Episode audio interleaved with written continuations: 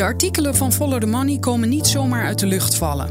Daar gaat heel wat graafwerk aan vooraf. In deze podcast vertellen auteurs van FTM over hun onderzoek en de achtergronden van hun verhaal. Frederik vraagt door. De podcast van Follow the Money. Nicky Brands en Dimitri Tokmetsis. Welkom in de podcast. Hoi. Hoi. Welkom bij deel 2 van Jagen op Russische oligarchen. Dimitri, voor jou begon dit volgens mij met een opmerking die jij maakte tegen collega's uh, kort na de inval van Poetin in Oekraïne. Uh, jij zei: Kan ik iets doen? Uh, want dan kom ik misschien van mijn boosheid af. Ja, klopt. Ja, ik denk dat, zoals heel veel mensen, dat ik aanvankelijk heel verbaasd was dat die inval plaatsvond. Niemand had het zien aankomen. En vervolgens werd ik natuurlijk heel erg boos. En uh, het mooie is als je in de journalistiek werkt en je hebt een journalistiek platform tot je beschikking, dan kun je daar iets mee gaan doen. En ik heb vaardigheden die ik kan inzetten. En ook al is het maar een klein beetje wat ik kan doen, dan uh, doe ik dat graag. Dus uh, ja, ik zit met al die boze energie, die kan ik dan ook omzetten in iets constructiefs. Dus ik uh, ben meteen aan de slag gegaan met collega's om te gaan jagen. Je lacht er nu een klein beetje bij. Is de boosheid iets geminderd of, of helpt dat niet, dat werk? Uh, nee, ik ben nog steeds boos. Maar dat uh, is iedereen, denk ik. Ja. We blijven gewoon doorgaan. Jij bent datajournalist en je, je leidt ook het datateam bij Follow the Money. Want je zegt, ik heb enige vaardigheden. Wat ben je als eerste gaan doen? Nou, vooral eerst collega's gaan helpen om uh, de bezittingen van die oligarchen in kaart te brengen. Daar waren ze al mee bezig om te kijken van nou, wat zit er nou aan Russisch bezit hier, waar eventueel uh, sancties op gelegd kunnen worden. Dat bijvoorbeeld bevroren kan worden. We waren al begonnen met een soort overzicht van nou, wat zijn nou de belangrijkste mensen hier. Dus ik heb ze daarbij uh, kunnen helpen. En al snel ben ik in contact gekomen met het OCCRP. dat is een journalistieke organisatie in Oost-Europa. Die doen grote internationale onderzoeken, vaak samen met allerlei mediaorganisaties overal. En wij werken al met hen samen als dataredactie uh, op technisch gebied, want wij gebruiken software die zij ontwikkeld hebben. Dat kan gewoon. Dat kan gewoon, dat is open source. Het is wel vrij ingewikkeld om het te gebruiken, maar wij verzamelen daarin data. Het is een soort data warehouse. Maar je kan er ook. Uh, je... Hoe heet het ook weer? Want ik hoor die naam wel eens voorbij Aleph, komen. Ja, Alef. Dan heb je het over Alef. En dan denk ik, oh ja. ja. Of eigenlijk denk ik dan, wat is het? Ja, het is een uh, prachtig systeem waarbij je uh, als journalistieke organisatie enerzijds data kunt verzamelen. Dus je kunt uh, uit allerlei bronnen kun je continu data halen en opslaan op een hele gestructureerde manier. Met, met een soort zoekmachine? Ja, je moet scrapers bouwen, heette dat dan. En die moet je inzetten. En we hebben dan een, uh, daar allerlei software omheen gebouwd. Waarbij we een soort vloot van scrapers noemen we het maar. Er zijn tientallen scrapers die uh, uh, op allerlei plekken data weghalen. Die voor ons van belang zijn. Ik zie een soort baggerschepen vormen. Um, ja, zo kan je het wel zien. Met kranen erop. Ja. Die, die schrapen ook van alles. Ja, klopt. Ja, we halen alle drek halen we wat er te vinden is. Dat stoppen we bij elkaar. Dat structureren we zodat we al die data goed kunnen vergelijken met elkaar. En goed doorzoekbaar kunnen maken. Alles met het oog op financieel onderzoek. En aan de andere kant kun je ook zelf je onderzoeken daaraan opbouwen. Uh, dat betekent dat je een investigation aan kan maken. En dan uh, bijvoorbeeld een heel netwerk kan maken van, in dit geval oligarchen en hun bezittingen. En dat wordt dan allemaal in een database aan elkaar gekoppeld. En dat kun je dan vergelijken met alle data die al in het systeem uit al die bronnen zit. Dus je kan heel makkelijk je data verrijken. Uh, nou, het is een prachtig systeem, uh, hebben ze daarvoor gebouwd. Wij gebruiken dat sinds een paar maanden. Zelf ook, zijn we dat ook aan het opzetten. Dat is veel werk. Dat was voor jou ook echt een openbaring?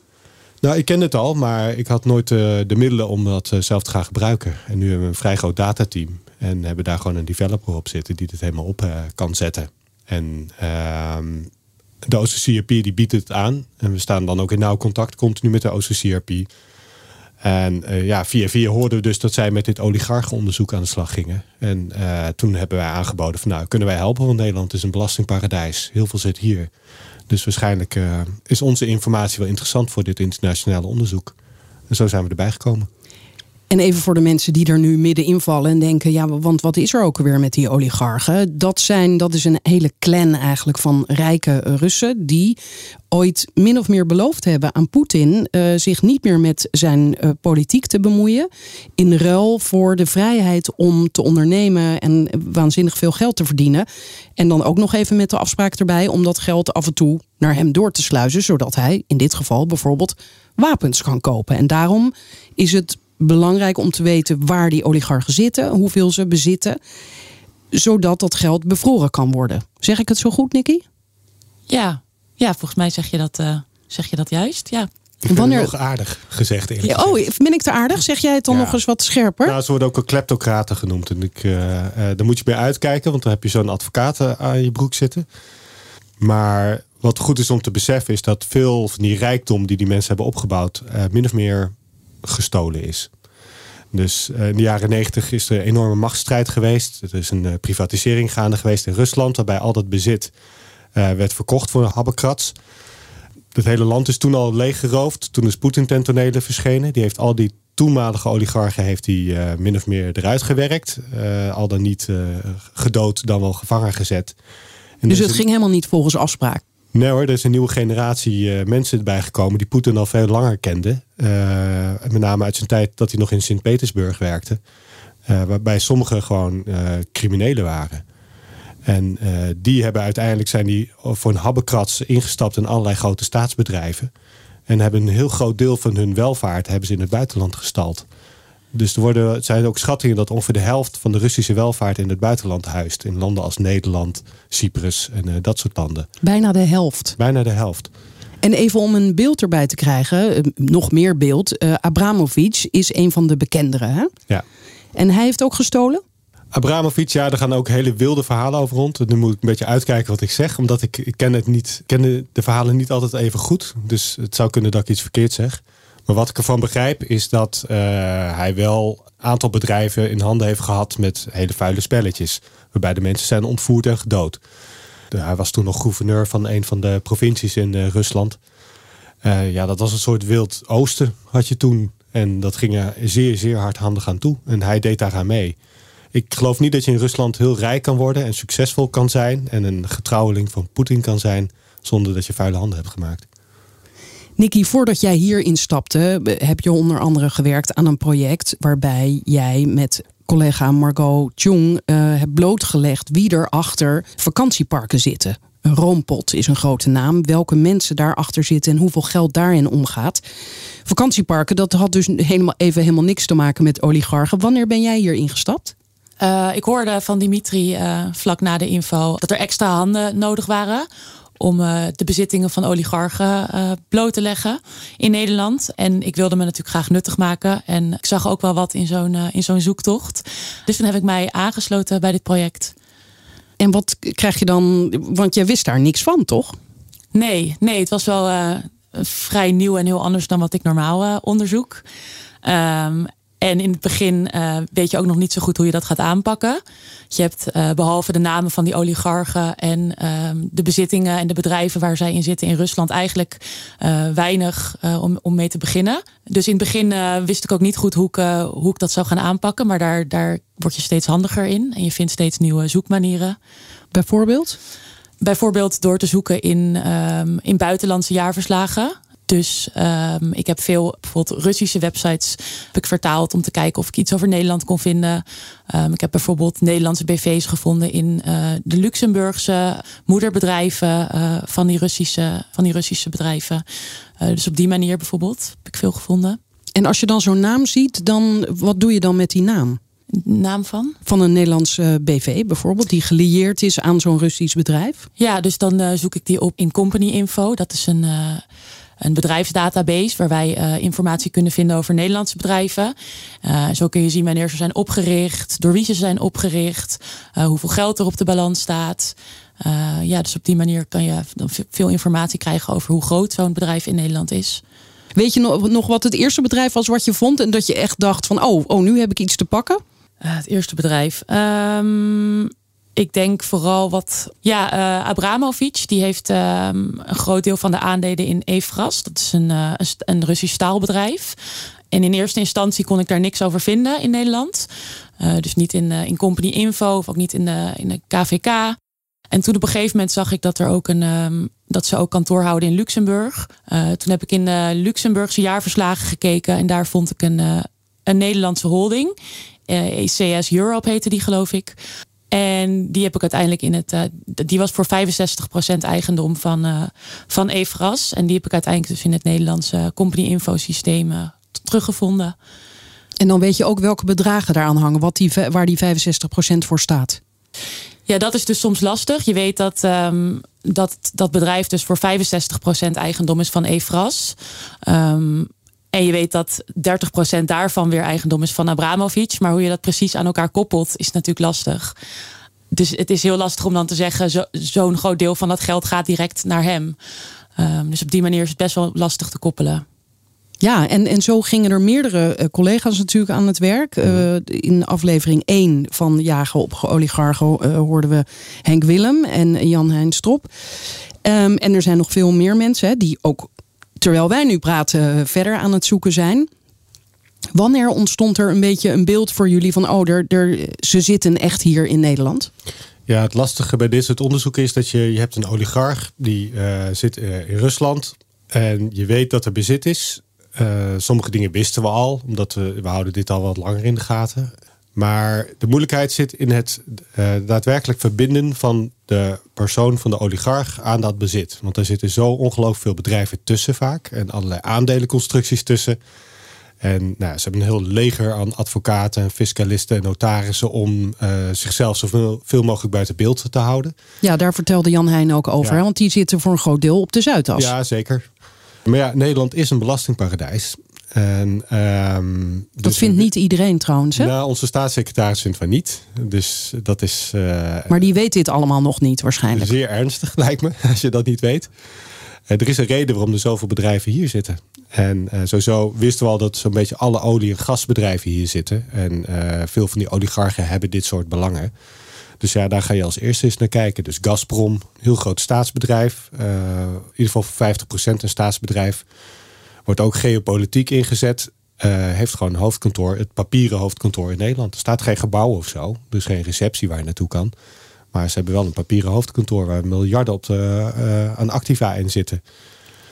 Um, dus op die manier te zoeken, door flink te googlen, door na te vragen in het netwerk met andere journalisten waar we in zaten met de OCCRP, want er waren 25 uh, media bij betrokken. Met in totaal, want vorige keer zei ik 70, maar het zijn 80 journalisten. Ja, iedere keer komen er weer mensen bij oh, hoor. Dus okay. dat, uh, en er vallen weer mensen af. Dus uh, het is een moving target wat dat betreft. Maar ja, dus langzaamaan bouw je dat uit. En je kan dan kijken bijvoorbeeld uh, in, in Company Info van wie zijn de bestuurders.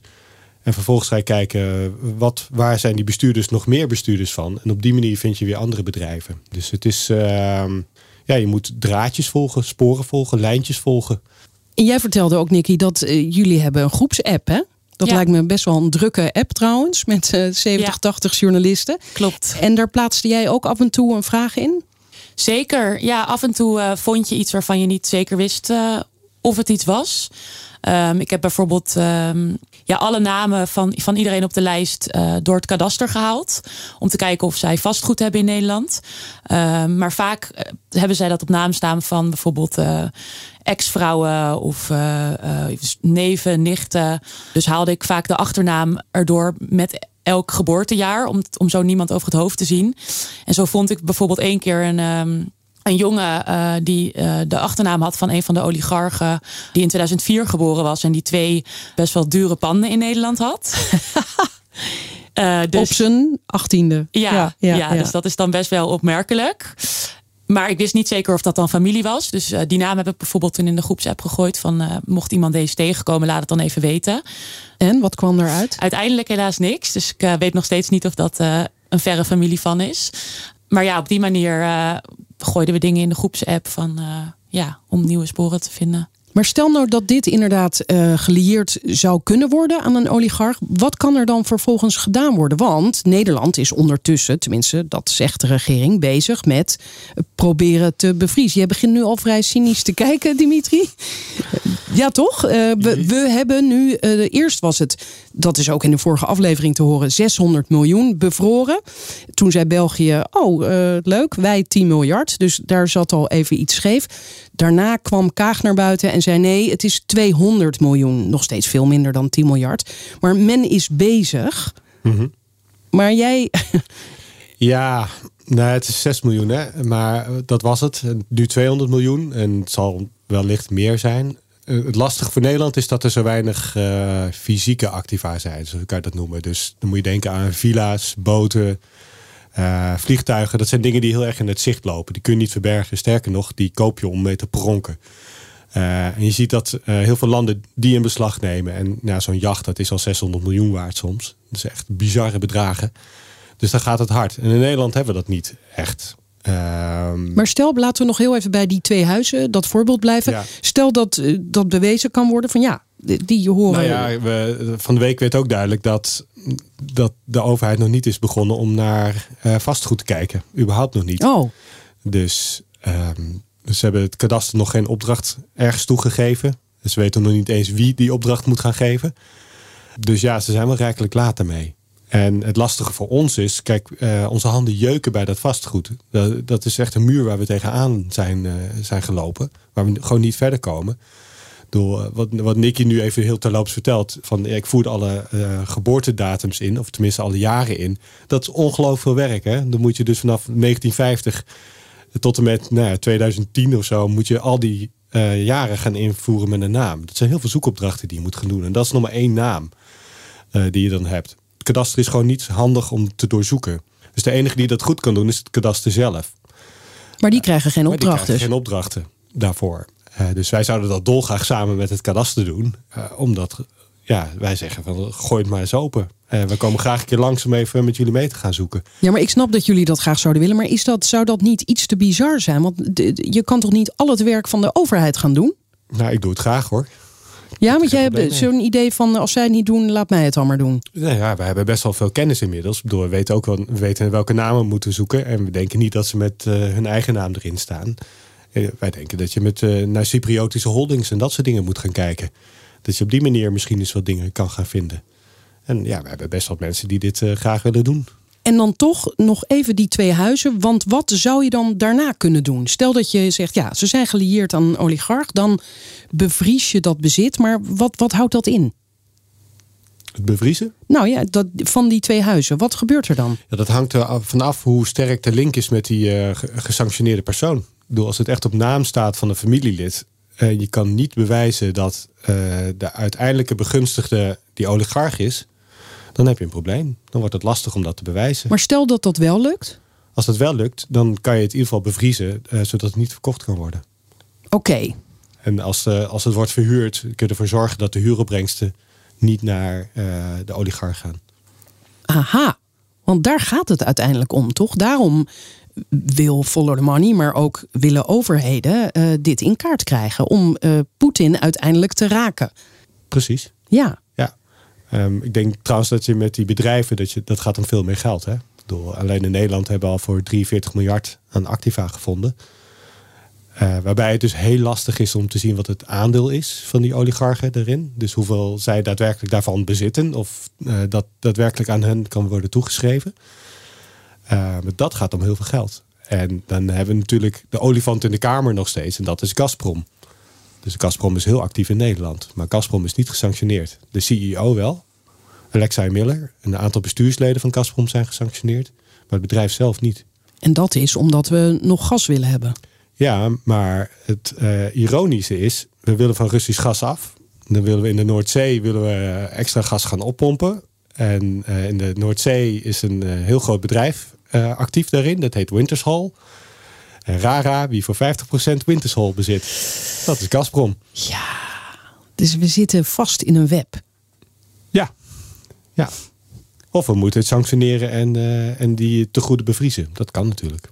Ja, en dan tijdelijk even andere energiebronnen gebruiken waarvan er onvoldoende zijn. Dus dan moeten we even de kachel uitdoen. Even. Ja, precies. Ja, dus dan hoor je al, dat gaan we niet doen. En die activa die jij noemt, 43 miljard, wat zijn dat?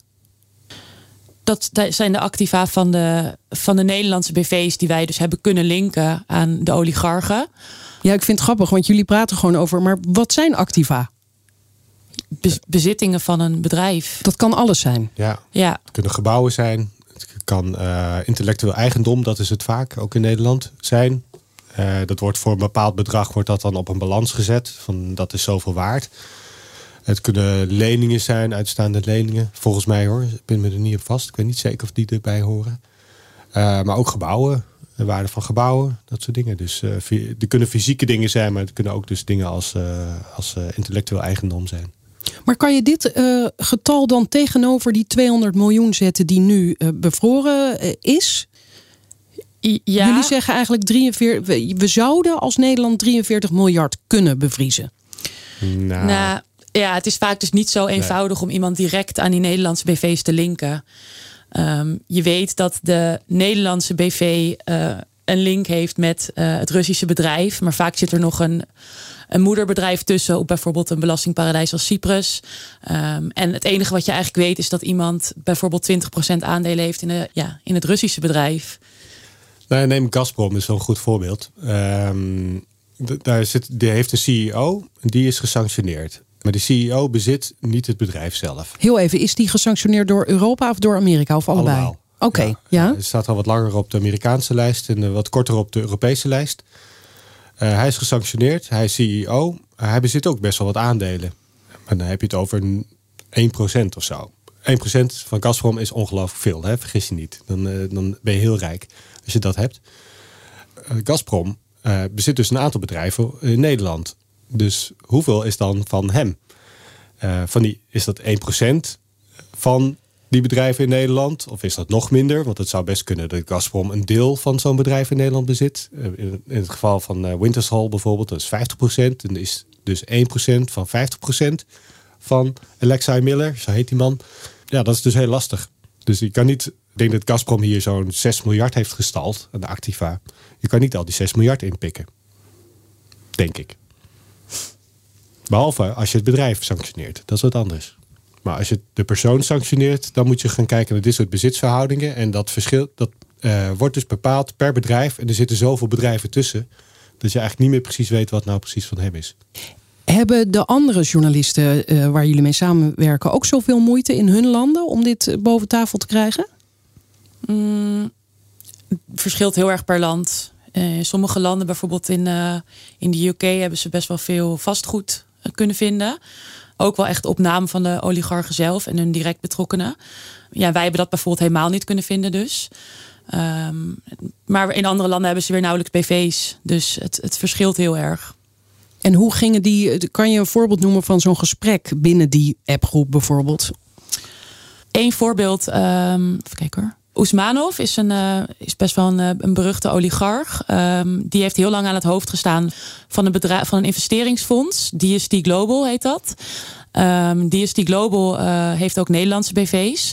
En het was heel lang een onderdeel van Mail.ru. Dat is um, de Russische variant van Facebook. In 2012 uh, zijn DST Global en Mail.ru uh, zijn die van elkaar afgesplitst. Oesmanov heeft toen, zijn, heeft toen zijn aandelen verkocht in DST. En het bedrijf heeft sindsdien heel erg zijn best gedaan om niet meer met het Kremlin geassocieerd te worden. Het hoofdkantoor zit inmiddels in China. Um, en Want daar wil die wel mee geassocieerd worden?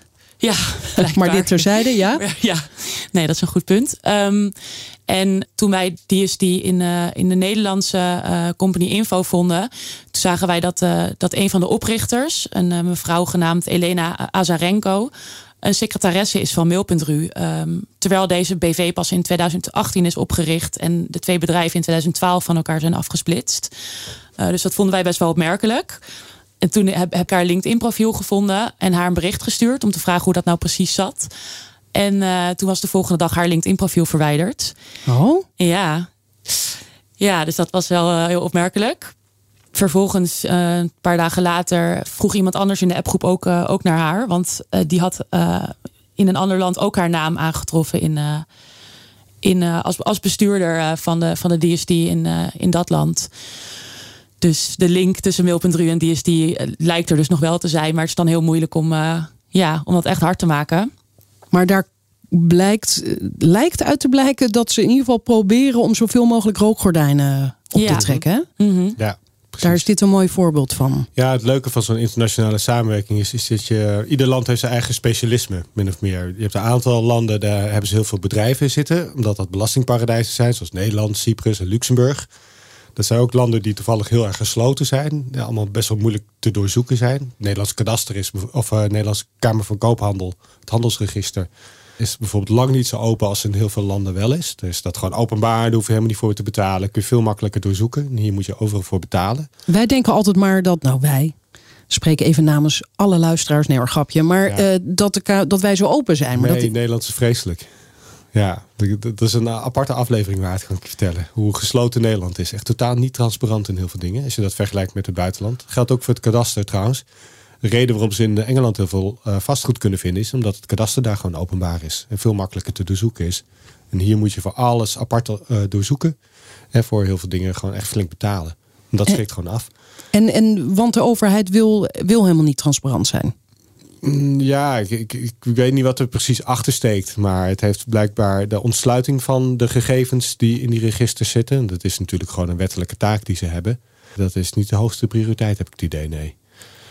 Maar om eh, terug te gaan, eh, ieder land heeft een beetje zijn specialisme. Dus je, je hebt de, de, de- in Nederland, de Cyprus en, eh, en Luxemburg, daar zitten de bedrijven. Dus wij konden heel veel bedrijfsinformatie leveren. Ehm, in andere landen zitten weer wat meer de, de, de fysieke assets, zoals ze dat noemen. Ik bedoel, ja, als ik een oligarch ben, ik ga niet een villa nemen in Tietjerkstradiel. Ik ga lekker aan de Côte d'Azur zitten. Ja, Ja. logisch toch? Ja, Dus daar zie je natuurlijk de grote paleizen terugkomen en zo. En ehm, ja, dus zij konden vooral zich daarop richten. En wij doen dan wat meer het financiële onderzoek.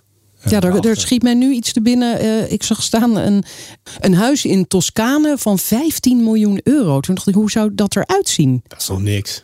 Er zijn ook echt eh, villa's van 200 miljoen zijn we tegengekomen. Ze Of hebben de aantal leden van, eh, of een aantal eh, deelnemers van andere mediapartners hebben ook eh, dronebeelden gemaakt van, eh, van een aantal van, de, van die villa's. En dan weet je echt niet wat je ziet.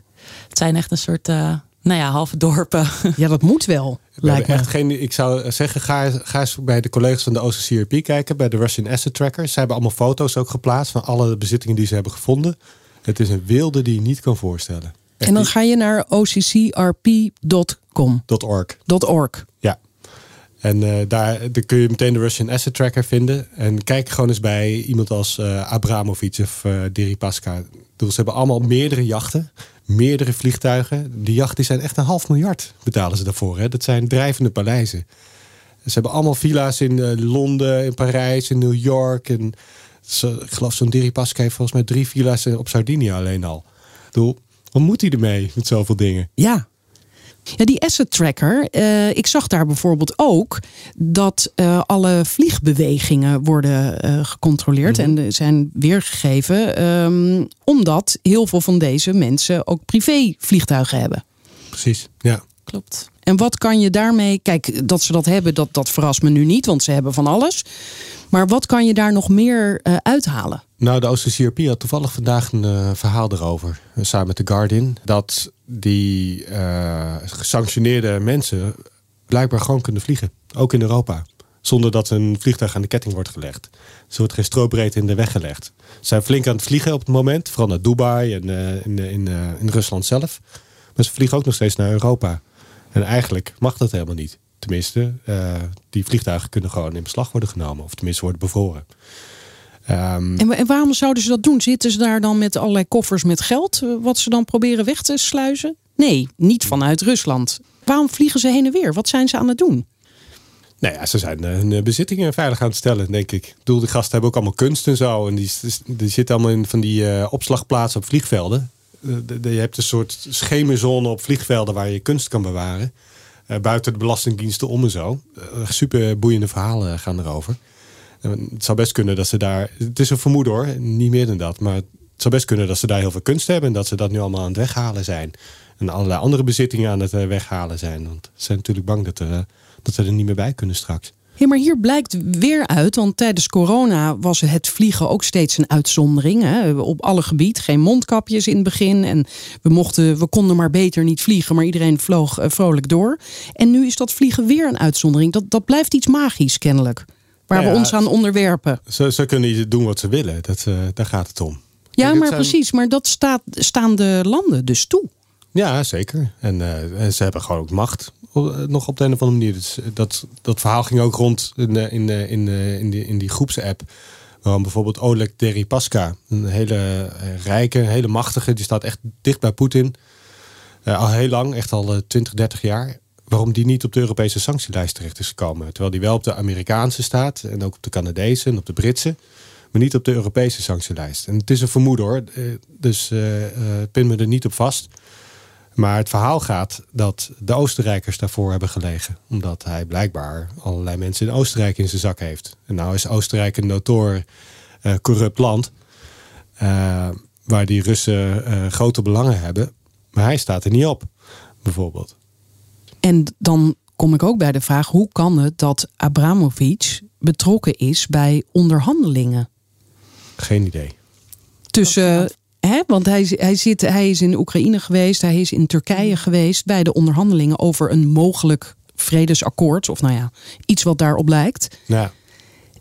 En hij kwam laat, dat hebben Henk Willem en Jan Heijn ook uh, verteld in deel 1. Hij kwam pas heel laat op de sanctielijsten. Mm -hmm. um, en gisteren werd er op Twitter door een uh, onderzoeksjournaliste, een Russische onderzoeksjournaliste, ik moet heel even haar naam en gisteren is dan 30 maart uh, door een Russische onderzoeksjournaliste Maria Pevchik.